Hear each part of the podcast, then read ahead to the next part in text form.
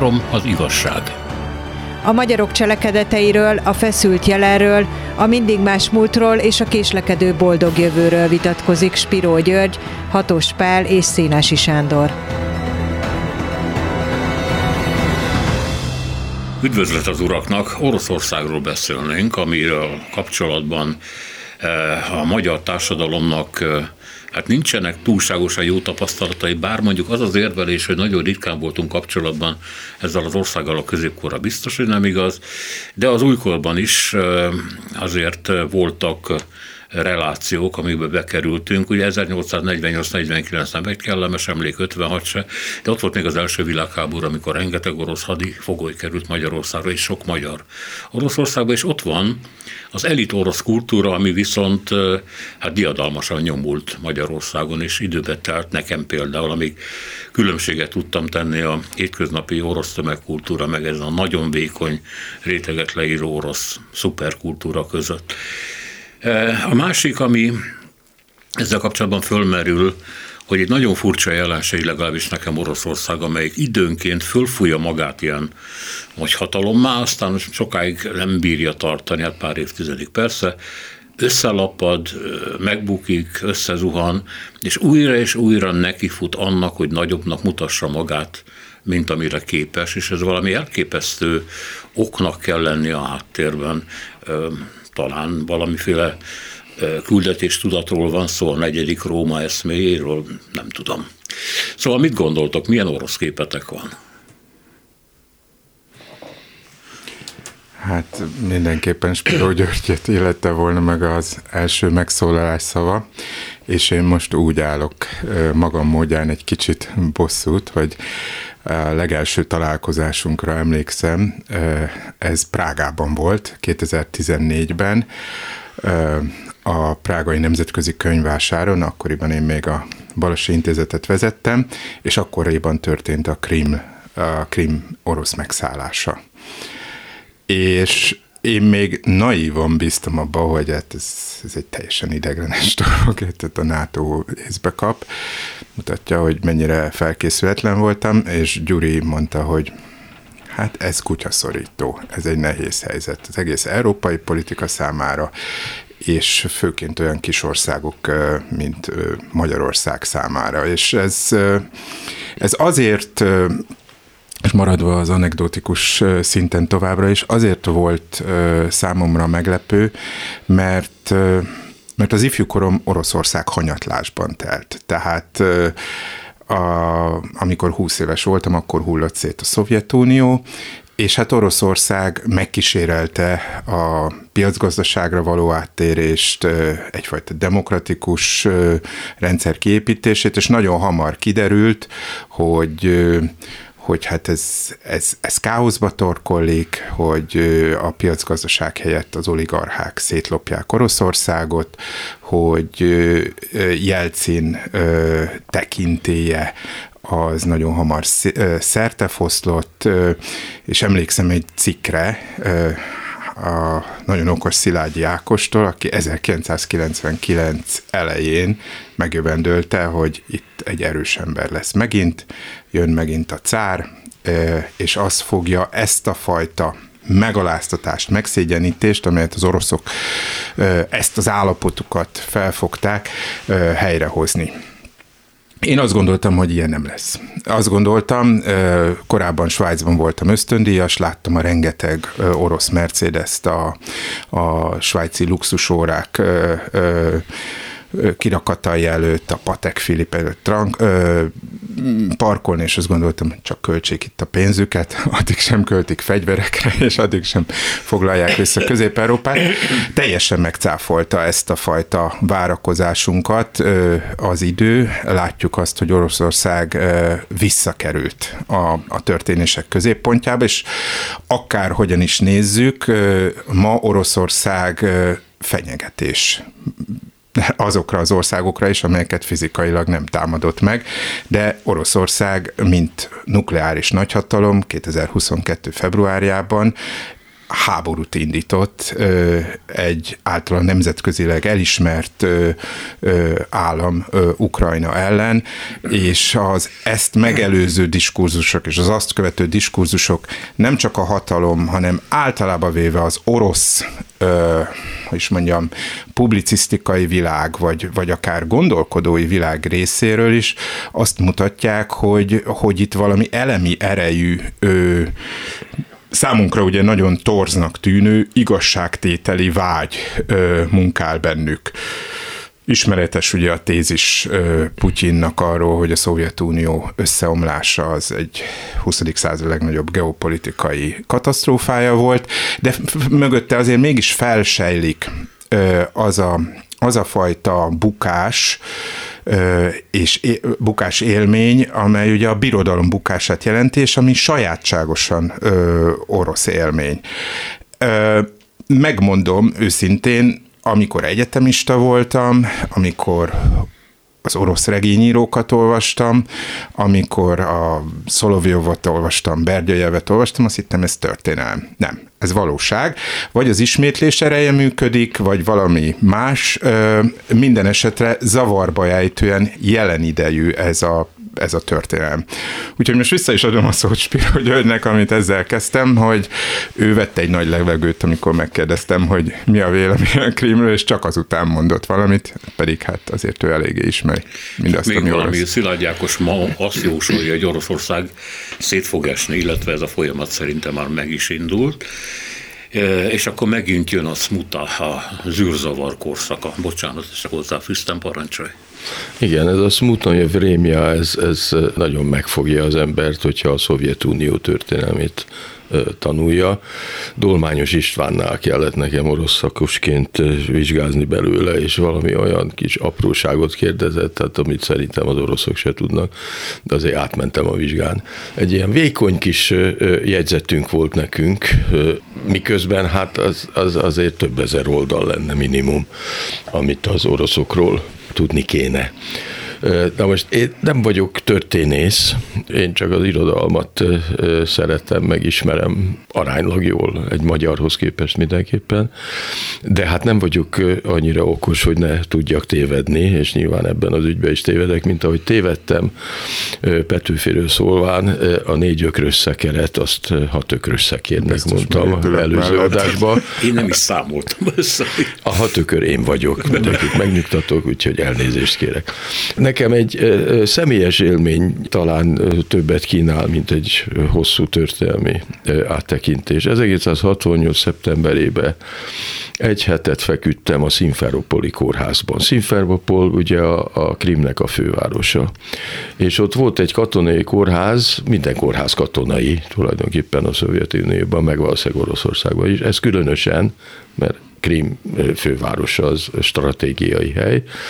Úgy kerültem oda, hogy kievi nyelvtanfolyamon voltunk, és akkor levittek minket egy ilyen táborba a, a Fekete tenger partjára, és akkor ottan Valószínűleg túl sok vodkát pumpáltak belém a nagyon-nagyon kedves oroszok, és nagyon nehéz megúszni Oroszországba, vagy a Szovjetunióba, hogy az ember ne igyon velük. Jól is jártál, mert én olyannal találkoztam, hogy tiszta szeszt itattak az emberrel, és a vodka a kísérő volt. Igen, na most e, e, ez, ez valószínűleg annak volt a közvetlenül, hogy Kievben az utcán ismeretlenek hallották, hogy magyarul beszélünk, megszólítottak, hívtak bulizni. Nagyon, e, általában az oroszok meg az ukránok most nem tennék különbséget ilyen szempontból, rendkívül barátságosak, Pontosan. és megvendégelnek, és a legjobb haverok, tényleg, szóval mondjuk a magyaroknál ez, ez 19. század közepén fordult elő utoljára utoljára. De még megvan a szerbeknél, meg a balkáni népeknél, tehát ezek barátságos emberek.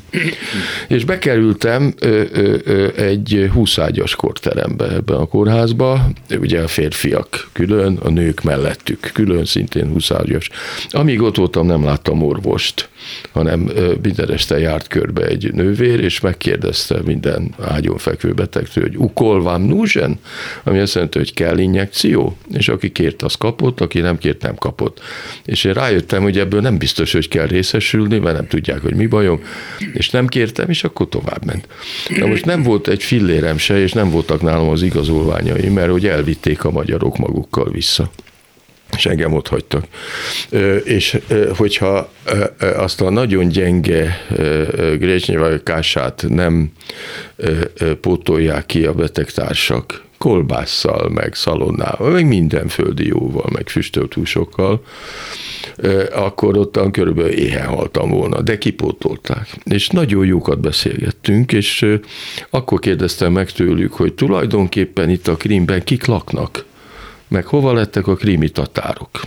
És akkor mondták el azt, amit azóta se nagyon írnak meg, hogy ugye a krimi tatárok is, mint az ukránoknak egy része, a németek mellé állt, amikor a németek elfoglalták, amit elfoglaltak, mert úgy látták, hogy az még mindig jobb, mint a szovjet hatalom. Ebbe lehetett is valami.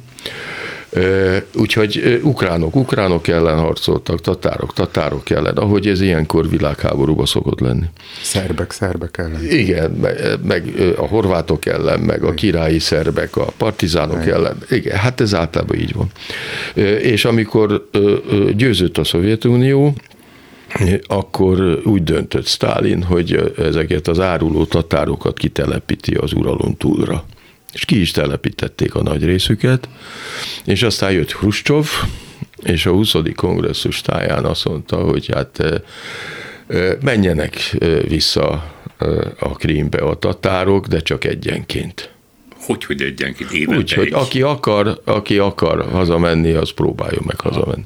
És hazamentek a, akiknek fontos volt a házuk, a földjük, mindenféle, és le is gyilkolták őket, a betelepültek. Úgyhogy ott őrületes gyilkosság folyt, a bölcsebb tatárok ott maradtak az uránon túl. Na most, eh, hát ez egy olyan történet, ami engem eléggé megisletett, és aztán az egyik regényemben valamit föl is használtam belőle, de hát a hivatalos történelem erről nem tud, persze. Na most kérdeztem e, ezeket a derék oroszul beszélő embereket, akik maguk között is oroszul beszéltek, hogy ők tulajdonképpen ukránok vagy oroszok. Mert Kievben akkor 68-ban én nem nagyon hallottam az utcán ukrán beszédet, pedig engem érdekelt volna már akkor is. És mondták, hogy hát a városokban nem beszél senki ukránul, falvakban szoktak még ukránul beszélni. Ez volt 68-ban. Azóta ez gyökeresen megváltozott persze a Szovjetunió szétesése után, meg hát van ukrán irodalom, meg mindenféle van ukránul, de ők, ők ezen nem fog. Na most feküdt a korterembe az ajtótól balra egy magasított ágyon egy fiatal srác, olyan 20 év körüli lehetett. És nagyon rossz állapotban volt. És odaintett magához, amikor úgy magánál volt, hogy ki ez az új fiú, és kiderült, hogy ő beat zenész és hogy úgy került a Krímbe, hogy mint beat zenész ment Tbilisi-be az utcán, egy lányjal, akit ott szedett föl, és látta, hogy egy pasas ver egy nőt és oda ment, hogy ne verje. A lány húzta el, hogy ne csinálja. És mentek tovább, és egyszerre egy hatalmas kést érzett a hátába, és elájult nem kellett volna szólnia, hanem hagynia kellett, hogy a pasas verje a nőt, és akkor bevitték kórházba, és valamire herő, és jött a KGB, és kérdezgették, hogy akar-e feljelentést tenni. És a srác mondta, hogy nem akar.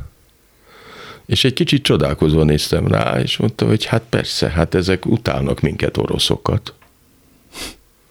Mert hogy Bilisibe történt a dolog. Mm akkor még egy is államba tartoztak. És hallgatta a történetet egy hatalmas, ilyen két méternél magasabb, őrületesen erős pali, aki a betegeket a vállára vetve hordta a műtőbe és vissza, mert nem volt kocsi. Orosz volt, és azt mondta, hogy nem utálnak minket, mondta ez a hatalmas ember, félnek tőlünk. Orosz volt. Na most Ez nem neked tudom, akkor mit- leírtak az akkori Igen, de valahogy kaptam egy olyan általános képet erről a dologról, a mindennapokból. Na most ez egy kitűnő katonai kórház volt, és egy nő volt a vezetője. És dicsérték. Na most annyira tele volt, békeidő, 68, ugye, ott nem volt háború, hogy a lépcsőfordulókba is oxigén sátorba feküdtek betegek, hát mert nem volt elég minden, és a WC-re nem lehetett menni, akkor még ezek a magasított ráállós vécék voltak, tehát a WC csészére is ráraktak tégla emelvényt, és arra kellett fölkapaszkodni, hogy az ember elvégezze a dolgát, de nem lehetett, mert odáig állt a szar. Úgyhogy én, amíg ott voltam, nem is ettem nagyon sokat, de addig nem mentem ki a WC-re. És ez egy kitűnően felszerelt, tulajdonképpen katonai, csak polgári célokat is szolgáló kórház volt. Eh, Hát igen, hétköznapokról valamennyien tudnánk mesélni őrületes dolgokat, de ha visszatérünk a orosz nagyhatalmi tervekhez, ami, amivel te kezdted, tulajdonképpen 20 éves voltál, amikor jött a beomlás, de előtte volt a fölfújódás, ugye 70 évvel korábban, egy még korábbi, meg a 18.-19. században, amikor az orosz birodalom létrejön, és az is összeomlik, hogy mi ez a ez az örökös nekifutás a nagyhatalmi létnek, amivel viszont nem tudnak mit kezdeni igazából. Igen, én pontosítanék, tehát a 18-20 környékén, tehát a bolsevik forradalommal éppen, hogy összeomlik az orosz nagyhatalom.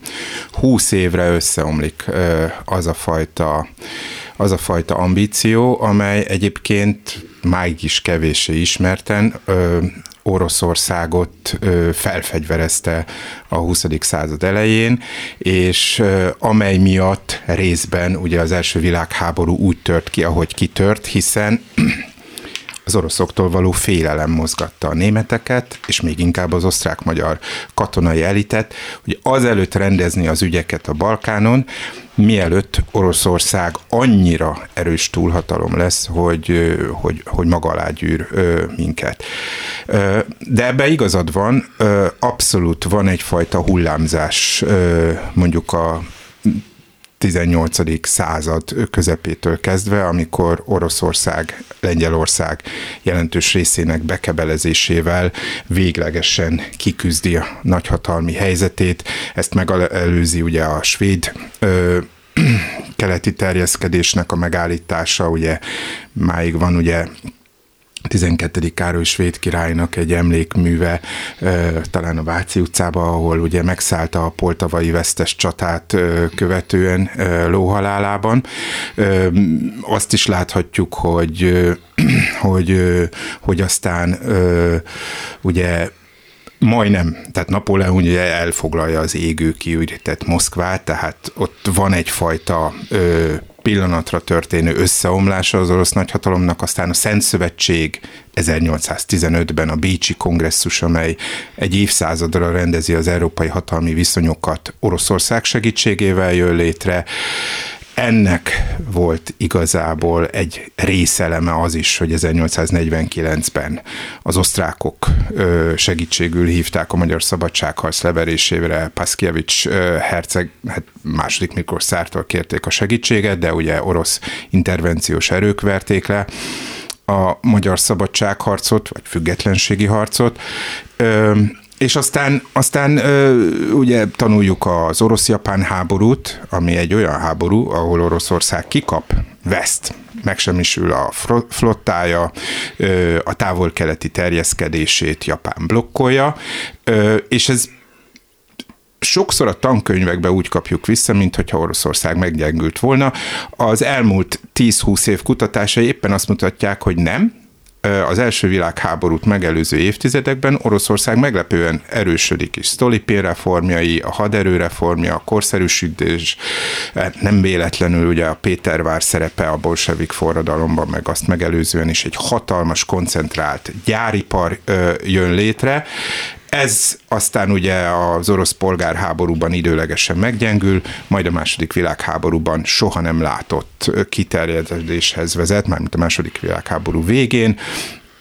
80-as évekre mindez elenyészik. Ami számomra érdekes, hogy mi magyarok hogy viszonyultunk, illetve a magyar politikai elit. Visszamehetnénk a középkorra, András és László hercegek, a későbbi ugye Szent László orosz származására, holicsi kapcsolatokra, de az biztos, hogy a modern magyar történelem az orosz félelembe tert el. Tehát az, hogy mi Oroszországnak drukkoljunk, amit ugye ma napság ugye vezérpublicisták szoktak megosztani a nyilvánossággal, az valami oly idegen attól a történelmi hagyománytól, amely, amely sokáig konszenzust alkotott jobb és bal között, nevezetesen a nagy generációtól, Széchenyitől, Kossuthtól, Ötvöstől, Andrásitól, Deáktól. Tehát az egész magyar politikai konstrukció mondjuk a kiegyezés létrehozásától kezdve a második világháború végéig azon alapul, hogy Oroszország, az oroszok a magyarokra leselkedő legnagyobb veszély. Miért van az, hogy Deák a Königreici vereség után, amikor Poroszország ö, ö, leveri ö, ugye az osztrák ö, hat, nagyhatalmi közép-európai ö, törekvéseket, és nyitott az út Bécs felé, Deák nem, hogy ráerősítene, hogy megzsarolja a meggyengülő Ausztriát, hanem gyakorlatilag ugyanolyan feltételeket ad neki fontos, hogy fennmaradjon Ausztria, ahogy Ötvösnek is fontos, ahogy Andrásinak is fontos. Andrási, aki ugye Párizsban ugye a szép halára ítéltet játszotta, Kossuth követe volt, függetlenségi, mindent megtesz, hogy korabeli francia szimpátiáit legyőzve Ferenc Józsefet egy német barát álláspontra tegye. Ehhez képest, amit ma tapasztalunk a magyar társadalomban, hogy egyre erősebb az orosz barátság, Bizonyos értelemben ez azt jelenti, hogy a történelmünket elfelejtettük. Mert mi féltünk az oroszoktól, veszélyt jelentett mondjuk a történelmi Magyarország egységére, ismeretes Ötvös Józsefnek, aki azért mégiscsak egy liberális politikus volt, hogy, hogy szláv Bizáncot nem akart a szomszédban látni. Igazából a nagyon-nagyon érdekes, hogy hogyan és miként, milyen ö, emberi kifordulásokban jelenhetett meg az orosz barátság. Szegfű Gyula. Szegfű Gyula arról lett nevezetes, hogy a keresztény germán kultúrközösséget ö, erősítette. Ebben nem volt semmi a nácizmushoz való viszony, semmi Bluetooth, Boden nem volt benne. Az volt benne, hogy féltünk az oroszoktól. Nos, ugyanez a Szegfű Gyula, a konzervatív történész, a német hatások üdvözlője, a kultúrhatások, elvállalja a moszkvai követséget Rákosi felkérésére. Azt mondja Visinszkinek, aki akkor a szovjet külügyminiszter helyettese, és egyébként profi vér, vérügyész, ugye, aki a, a nagy 30-as évekbeli hogy boldog vagyok, hogy hazámat a Szovjetunióban képviselhetem. Tehát, és mindenki tudta, hogy ez a szegfű vagy kifordult magából, vagy hazudik, vagy mind a kettő. És ha egy történészként megvizsgálom, hogy milyen alapokra tudjuk fektetni az orosz barátságunkat, mi azok azok a pozitív tapasztalatok, Dolmányos István, akit ugye Spiro György emlegetett, aki egy két ember volt, aki orosz kapcsolatokra építette a dolgait, Károly Mihály és Kumbéla. Három az igazság. Hatos Pál, Spiro György, és itt van kiterítve előttünk a Nagy Oroszország. Most már nem a Kovács a Fried, mert ugye ez már szétbomlott a Szovjetunióval. Bár ez milyen érdekes, nem, hogy a szovjet himnusznak a szövegét ugyanaz az ember írta, aki aztán később az orosz himnusz szövegét a Szovjetunió szétbomlása után. Ugye ez egy híres filmrendezőnek a papája, azóta már meghalt, de elég sokáig élt, hogy gond nélkül megírhassa tulajdonképpen úgy azt a szöveget, hiszen mind a kettő egy nacionalista, orosz nacionalista szöveg. Hát birodalmi nacionalizmus. Birodalmi nacionalizmus, igen. Kérdés a következő.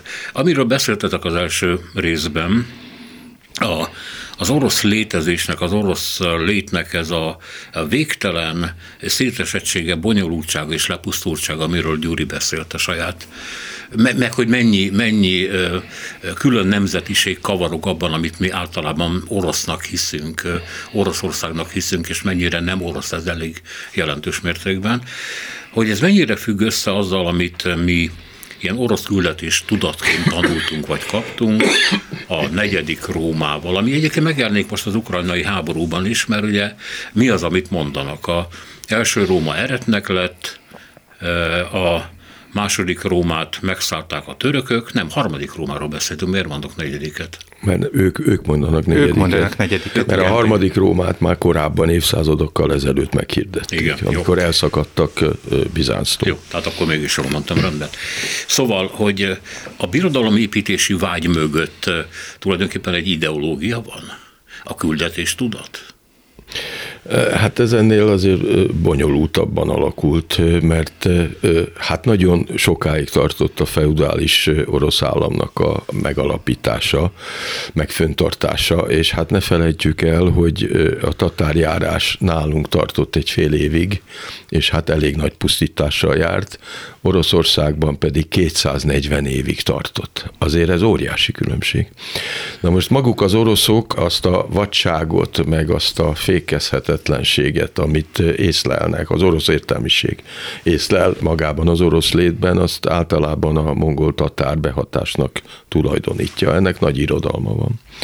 Na most az, hogy ez nem azt jelenti, hogy tatárok voltak a cárok, hanem azt jelenti, hogy adóztak a tatároknak, és hát az engedélyek nélkül. 240 évig az orosz vezetők azok nem tudtak semmit se önállóan csinálni. Na most ezen belül természetesen harcoltak egymással, meg egymás ellen, meg különböző cárok, meg álcárok váltották egymást, és hát ebben a feudális őrületben azért rettenetes pusztítás folyt. Közben pedig harcoltak ugye egyrészt Litvániával, Litvánia ellen a litván és aztán lengyel-litván nagyhercegség ellen, tehát ez a lengyel, litván és orosz ellentét nagyon régi.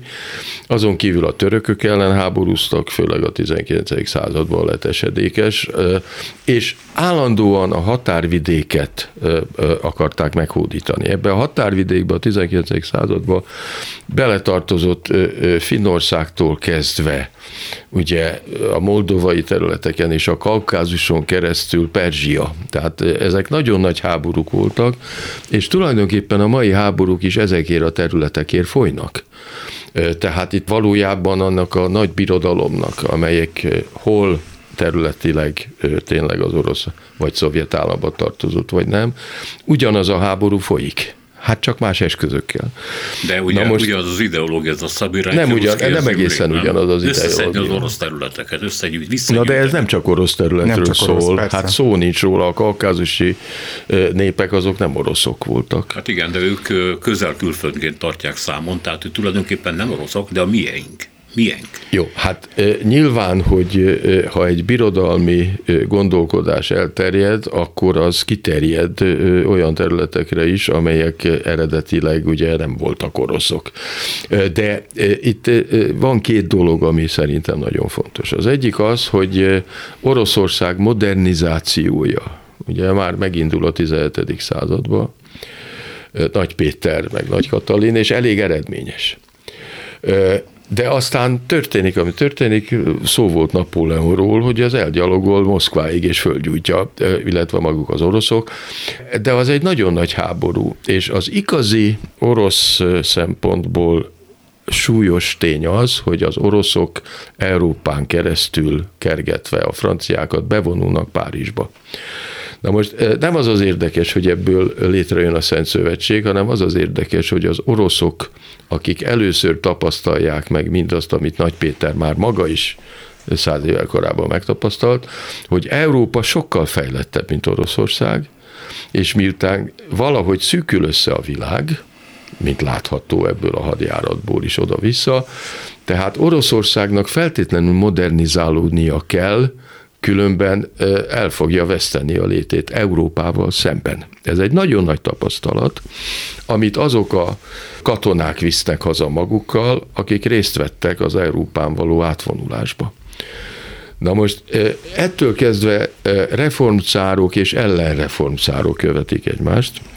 Első Sándor például reformcár, aki legyőzte Napóleont, és aki ott van az oldalán Csartoriszki külügyminiszterrel, a lengyel herceggel együtt a Bécsi kongresszuson, és akkor a Szent Szövetséget megkötik Metternichel az élén, de akkor már tudják az osztrákok is, meg az oroszok is sejtik, hogy előbb-utóbb egymás ellen fognak fordulni. És amikor 1849-ben Ferenc József könyörög a cárnak, hogy hát avatkozzon közbe a magyar szabadságharc levelésére, azért a háttérben már mindenki tiszta van, tisztában van vele, hogy ebből előbb-utóbb Közép-Európa, akkor még úgy gondolják, hogy az osztrákok vezette német-magyar társaság, és Oroszország szembe fog egymással kerülni. Tehát már megvan az első világháborúnak a, az alapja, csak még nem jutottak el odáig. Na most az oroszok, amikor a reformok bevezetése nem sikerül, és van egy fordulat első Sándornak, aki misztikussá válik, és, és babonássá, és mindenféle, meghal, van egy pillanatnyi kételj, hogy ki lesz az új orosz cár. Két öccse, két öccse van, az egyik Konstantin lengyel nagyherceg, a másik pedig Miklós. És Konstantinnak volt egy titkos megegyezése Miklóssal, hogy lengyel nőt vett feleségül, és morganatikus házasságról van szó, noha Lengyelország az övé, de nem lesz orosz cár. Na most ezt visszavonná Konstantin abban a pillanatban, amikor a Sándor meghal, de nem sikerül, és ekkor következik be a dekabrista felkelés, 1825. Na most ez azért érdekes a mi szempontunkból, mert mi még úgy tanultuk, hogy hát ezek a forradalmi demokraták, meg ezek milyen nagyszerű emberek voltak, meg kivégzik eh, jelentős részüket, köztük Rüléjevet a költőt is, Puskin elsiratja őket, óvatosan, ahogy szokta, de azt nem tanították nekünk, és azt hiszem a mai napig, már az egészet nem tanítják. De az különösen nem, hogy ők sokkal nacionalistábbak voltak, mint maga a cár. Tehát ők sokkal kegyetlenebb eljárást követeltek azoknak a népeknek, amelyek a területüket nem akarták átadni Oroszországnak, mint a cár maga. Na most első Miklós ugye hát reakciós cár lesz, aztán jön a, a második Miklós, aki reformcár, aki egy csomó második közigaz... Sándor. Második Sándor, bocsánat, igen, akit meg is ölnek igen, annyira reformcár, mert nem sikerülnek a reformok, nem mennek át a reformok, és itt van a birodalmi gondolkodás és a népi gondolkodás között egy nagyon különös jelenség, és hiába van jobbágy felszabadítás, ami a nyugati módszerek átvételét jelentené, és indul meg vékonyan a kapitalista fejlődés, azért alapvetően ez a társadalom mozdíthatatlannak tűnik, és ezért is veszti el az első világháborút. Igen. És hát benne van ugye, beszéltünk a küldetéstudatról, és talán pont ez, ez a küldetéstudat, ez egy egyetemes igényű dolog, és éppen ezért nem csupán arról van szó, hogy az orosz lakta területeket egyesítsék. Tehát Oroszországnak, illetve az orosz gondolkodás, különösen szlavofil irányzatának mindig volt egy világhatalmi ambíciója, és ez egy spirituális alapon nyugodó dolog volt egyesítése a katolicizmusnak, a nyugatnak Oroszországgal, egy egységes egyház létrehozása, és a történelemnek ezzel egyfajta megváltása. Tehát, hogy a történelem kisiklott, és Oroszországban a népiség, meg az egyház kvázi érintetlen maradt ettől a kisiklástól, ez képez így homályosan azt a magot, amely köré ugye a szlavofil gondolat ö, csoportosul, de amely élesen nyugatellenes, érdekes módon egyébként nyugati eszmék segítségével, tehát Hegel, illetve az anti-hegeliánus kései Schelling eszméit ö, ö, ö, felhasználva, lép fel ez az irányzat. Mindez azért fontos, mert ugye a, a nyugatinak tulajdonított ö, felvilágosodás, a racionalizmus, a, a, a dolgok logikai szemlélete, vagy egyáltalán a, a világ tárgyasult dologi szemlélete ellen lépnek föl egyfajta spiritualitással, és ha ma ideológusait, akár Putyint meghallgatjuk, visszhangoznak ezek a gondolatok, hogy a nyugat ugye dekadens lett, a nyugat kiüresedett. Nem, nem feltétlenül az, hogy rohadt, hanem kiüresedett. A nyugaton nincs spiritualitás. A nyugaton ö, lábbal tiporják a, a kereszténység eszméit, ö, azt a fajta örökséget, ami Európának a legsajátosabb öröksége, és kvázi és itt, itt van ugye ez a fajta a háborún is túlmutató igény, hogy a világ egészére nézve van mondani való, és ehhez képest egy kis háború az semmi, hiszen az csak egy önvédelmi háború. Tehát azért az a küldetés tudat, amit mondtál, az, az felülírja, és, és meg is különbözteti mondjuk az orosz nacionalizmust, a, mondjuk a kis népek, vagy akár a lengyel és a magyar nacionalizmustól. Mi a spirituális a putyi rendszerben? A bocsánat. Valamit nem vettem észre. Igen, itt amikor elkezdtem mondani, hogy a népi, tehát hogy mi történik a jobbágy felszabadításkor meg után, megpróbálnak közigazgatási reformokat bevezetni, de közben Oroszországban rendkívül elős az úgynevezett falu közösség. Na most a falu közösség az elég középkorias, ismerjük Nyugat-Európában is, hogy tulajdonképpen a helyi önkormányzatot jelenti. A helyi önkormányzatot Oroszországban is választják, de hát természetes módon ilyenkor azért kialakulnak a dinasztiák, tehát valahogy mindig ugyanabból a családból választják a sztárosztát, ugye a vezetőt, és a vezetőnek óriási jogai vannak, tehát tulajdonképpen ez az önigazgatás, ami Oroszországban van, ez a cárizmusnak a leképezése kicsibe. Pontosabban ennek az önigazgatási diktatúrának a nagy tükörképe maga a cárizmus. Nem nagyon próbálták a cárizmus megdönteni, meg kell mondanom a kommunisták se próbálták megdönteni, hanem azonnal visszaállították. Erről szól 1917. Ugye 17 februárjában alakult egy demokratikus kormányzat a cárizmusnak a romjain és ez a Kerenszki kormányzat, az ideiglenes kormányzat, abban több párt vett részt, ezek a pártok részben már megvoltak a cárizmusnak az utolsó évtizedében, 1905 után ugyanis nagy reformokat vezettek be, és volt parlament, a Duma, és abban mindenféle ilyen-olyan liberális, meg konzervatív, meg nem tudom milyen pártok voltak. Na most a Kerenszki kormányzatban tulajdonképpen egy baloldali többség van, Pontos. És ezt a baloldali többséget pucsolják meg Leninék. Ráadásul republikánus. Igen. Köztársaság. És a Leninék visszaállítják a, a, a cárizmus, csak nem úgy hívják és építenek arra a tudatra, arra a, a jobbágyinak maradt tudatra, ugye, amelyik az óriási paraszti tömegekre érvényes, amit rögtön kiszúr Gorké meg a többiek, és mondják, hogy hogy lehetséges proletár diktatúra ott, ahol csak parasztság van, és csak egyes városokban, mint ahogy említetted, Pétervárot, meg Moszkvában, meg ilyen helyeken van nagyipar. Tehát azonnal visszavág az az önkormányzati, tulajdonképpen végtelenül alkalmazkodó és jobbágyi mentalitás, amelyiket elvileg ugye egy forradalomnak, egy, egy modernizáló forradalomnak meg kellett volna törnie. És visszaáll a cárizmus alulról és természetesen ráépül a kommunista párt, úgyhogy nem lehet csodálkozni, hogy Stalin, Lenin meg Stalin meg a többiek hogy kormányoznak. És köztük is, mindegy, hogy cárnak hívják, vagy első titkárnak, tulajdonképpen ugyanaz folyik, csak éppen változott és erőltetetten tulajdonképpen sikeres industrializáció mellett.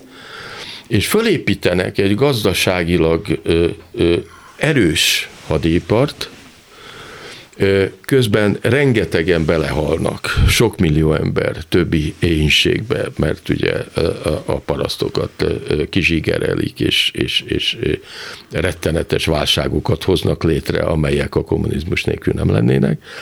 És azt mondják a szakértők, én nem vagyok ilyen szakértő, hogy tulajdonképpen a 60-as évekre egy olyan gazdaságilag, iparilag modernizált Szovjetunió jött létre, amelyik létrejött volna a cárizmusnak a csöndes reformálásával is, csak a sok tíz, százmillió halott nélkül. A, ha visszatérünk oda, ahhoz a Szilágyi Ákosi mondathoz, hogy most éppen a háború következtében Oroszország széthullóban van. És azt hiszem, hogy két dologra gondol ezzel kapcsolatban, hogy hogy az a periféria, ami korábban a Szovjetunióhoz tartozott, az megijedt az orosz hatalmi törekvésektől a háborútól, a sztánokra gondolok például, és kezdenek vagy Kína felé orientálódni, de mindenképpen távolodni a nagyon veszélyes orosz szomszédtól. Másrészt pedig ő azt mondja, hogy három Oroszország is van. Az egyik a nagyvárosok félig meddig nyugatias társadalma, akkor ott van a, a Szovjetunióból visszamaradt ipari körzetek a maguk konzervativizmusával, és hát ott van a vidék, a szegénység. És ez már három világ, ez már szétesőben van, tehát, hogy ahogy beszéltünk az elején, a smuta jön megint, a zavarosság. Osztjátok ezt, vagy más gondoltok erről? Hát történészként nem szeretek a jövőről beszélni, mert ott csak nagyokat lehet tévedni. Tény is való, hogy Szilágyi Ákos a 90-es évek végétől látta körülbelül azt, ami kifejlődött aztán Putyin alatt, illetve Putyin által.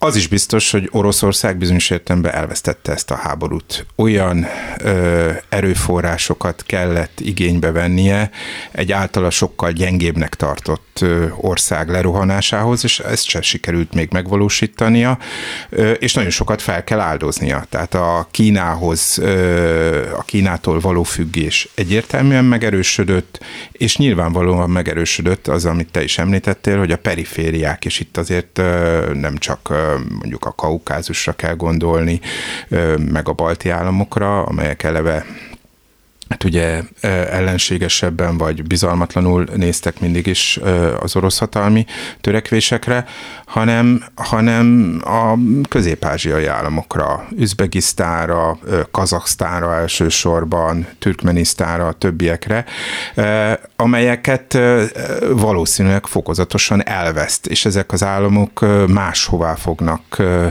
ö, hát tendálni, vagy legalábbis megerősödik a, a saját biztonságuk igénye és a távolságtartás igénye Oroszországgal szemben. Az is bizonyos, hogy Oroszország ezzel a konfrontációval, a, amelyet az Egyesült Államok nagyon ügyesen használ ki, írtózatos gazdasági pozícióvesztést szenvedett el. Nem csak az exportpiacait, ugye ezekről szólnak a szankciók, veszíti el a legmegbízhatóbban fizető, mégiscsak leg, leginkább jövedelemképes részétől a világtól, hanem hanem az import, tehát az innováció, a technológiai fejlődés szempontjába is lemarad. Hogy Oroszország szétesik-e, mint állam, én ezt azért nem hiszem. A Szilágy Ákos azt mondja, hogy már elindult ez a folyamat, de hát megkérdeznek akkor téged is, hogy tulajdonképpen mielőtt még sikerült volna egy új nagyhatalmat fölfújni, egy új buborékot, az előtt vége van? Hát azért Oroszország elég régen nagy hatalom. Azt lehet bizonygatni, hogy Oroszországnak a világkereskedelemből, meg a világtermelésből milyen alacsony a részesedése. Valóban Kínához, az Egyesült Államokhoz, Németországhoz, stb. mérten alacsony. De hát azért egy hatalmas hadipara van, és Oroszországban hagyományosan az egyéni életnek nem igen van becsülete. Tehát Kutuzóvék se számolták, hogy hányan halnak bele ebbe a háborúba, a franciák összeszámolták, az oroszok nem számolták össze. Hát van elég ember, és hogyha meghal 5 millió, akkor a nyomában ott lesz 8 millió. Szóval ez egy hagyományos orosz gondolkodás. A másik azonban, ami itt Oroszországnak a küldetés tudatát érinti. Hát mindegyik ország, amikor háborúzik és háborút indít, vagy védekezik, akkor valamilyen ideológiát, valamilyen vallást kötelezően ad a népnek. Hát különben, ugye azt mondja Hambas Béla, hogy kenyőcs nélkül nem megy. Ez a kenyőcs, ez a vallás, ugye, és tényleg a kocsi nem megy anélkül, hogy megkennék. Teljesen igaza van, tehát ez mindig van, és az, hogy most küldetésnek nevezik, vagy minek nevezik, ez majdnem mellékes ahhoz képest, hogy az egyes ember az hajlik arra, hogy besorozzák, vagy nem hajlik. Hajlik arra, hogy 25 évre egész életében elvigyék katonának, csak azért, mert a sztározta, kijelölte, hogy az ő családja hát szenvedjen, vagy nem. Kérdés, hogy a, az orosz tömegek, hát ugye nem nagyon tudjuk, hogy nem látunk a fejükbe, akarják ezt a nagyhatalmi státuszt visszaszerezni, vagy ez az orosz hatalmi elitnek a mánia? úgy látom, hogy az oroszok azok szoktak bízni a cáratyuskába. Ez egy hagyományos mentalitás, amelyekben nem feltétlenül az idegen gyűlölet játsza a főszerepet, de hát valaki van, aki. Na most Csehovnak a dalabjai arról szólnak, hogy ez a tekintély megszűnik, és akkor hogy esik szét az orosz családok élete. Hát minden darabja erről szól. Nagyon érdekes. Hogy mi van akkor, hogyha a vallás helyébe a, a, a, a privát hitek létnek? Mert a vallásos lelkületet kiiktatni az ember életéből nem lehet, mert olyan vallásos. De hogyha nincs meg ez a mindent összetartó, az államot összetartó cement, akkor szétesik minden. Van egy csodálatos nagyköltő, Fyodor Tyutchev, akit én a legnagy, nem csak én, a legnagyobb lírikusnak tartunk az oroszok között. Szabó Lőrinc fordította nagyon szépen. Van egy négy sorosa, ami újra és újra minden orosz filmben fölmerül, csak rosszul szokták fordítani magyarra, mert nem tudják, hogy micsoda. Umom Россию не понять, аршином общим не измерить. У ней особенно стать в Россию можно только верить. Ez azt jelenti, hogy észszel Oroszországot nem lehet felérni, normális mértékkel nem mérhető, sajátságos lényege van, Oroszországban csak hinni lehet. Ezt az Oroszországban csak hinni lehet, ezt még Szabó is nagyon jól fordította le. ugyanis nem az van, hogy muszáj, vagy kell, vagy kötelező Oroszországban hinni, nem lehet mást tenni, mint hinni. Tehát ez egy rettenetes csapda tulajdonképpen, amit ebben a zseniális négy sorban. Ez az egyébként cári diplomata írt le, aki életében soha nem adta ki a verseit, és Berlinbe képviselte a cár, tehát azért elég fontos megbizatása volt, és akit a halála után fedeztek föl. Óriási költő egyébként, és az egész modern irodalom tőle van. Na most ennél pontosabban meghatározni, hogy mi a tehát a, a racionalitás az valahol nem működik Oroszországban. De az irracionalitás szokott működni, és azzal számolnak, és a politikusoknak az a dolguk természetesen, hogy bekalkulálják. Be van kalkulálva a hit. Hát igen, el, el, el ideologizáljuk magunkat, hogy miért vagyunk ennyire alkalmatlanok arra, hogy egy rendes érhető országot csináljunk. Hát bennünk hinni kell. Annyira misztikusak vagyunk, annyira kiismerhetetlenek, annyira nagy a mi lelkünk. De ez a te külső uh, nyugat-európai uh, racionális tekinteted. Talán Gyuri arra célzott, hogy fel sem merül más fajta választás. És ezért van az, hogy nem értik rengetegen elemzők, mások, hogy miért nem lázadnak föl Putyin ellen a tömegek. Hát mert, mert, nem, mert ez a fajta mentális keret évszázadok óta sem volt jelen. Köszönöm szépen, itt a mai műsor vége, Hatos Pál Spíró György volt szokás szerint.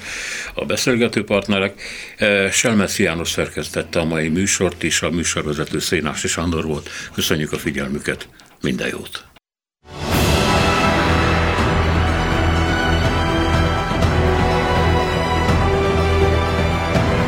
Három az igazság. Szénási Sándor műsorát hallották.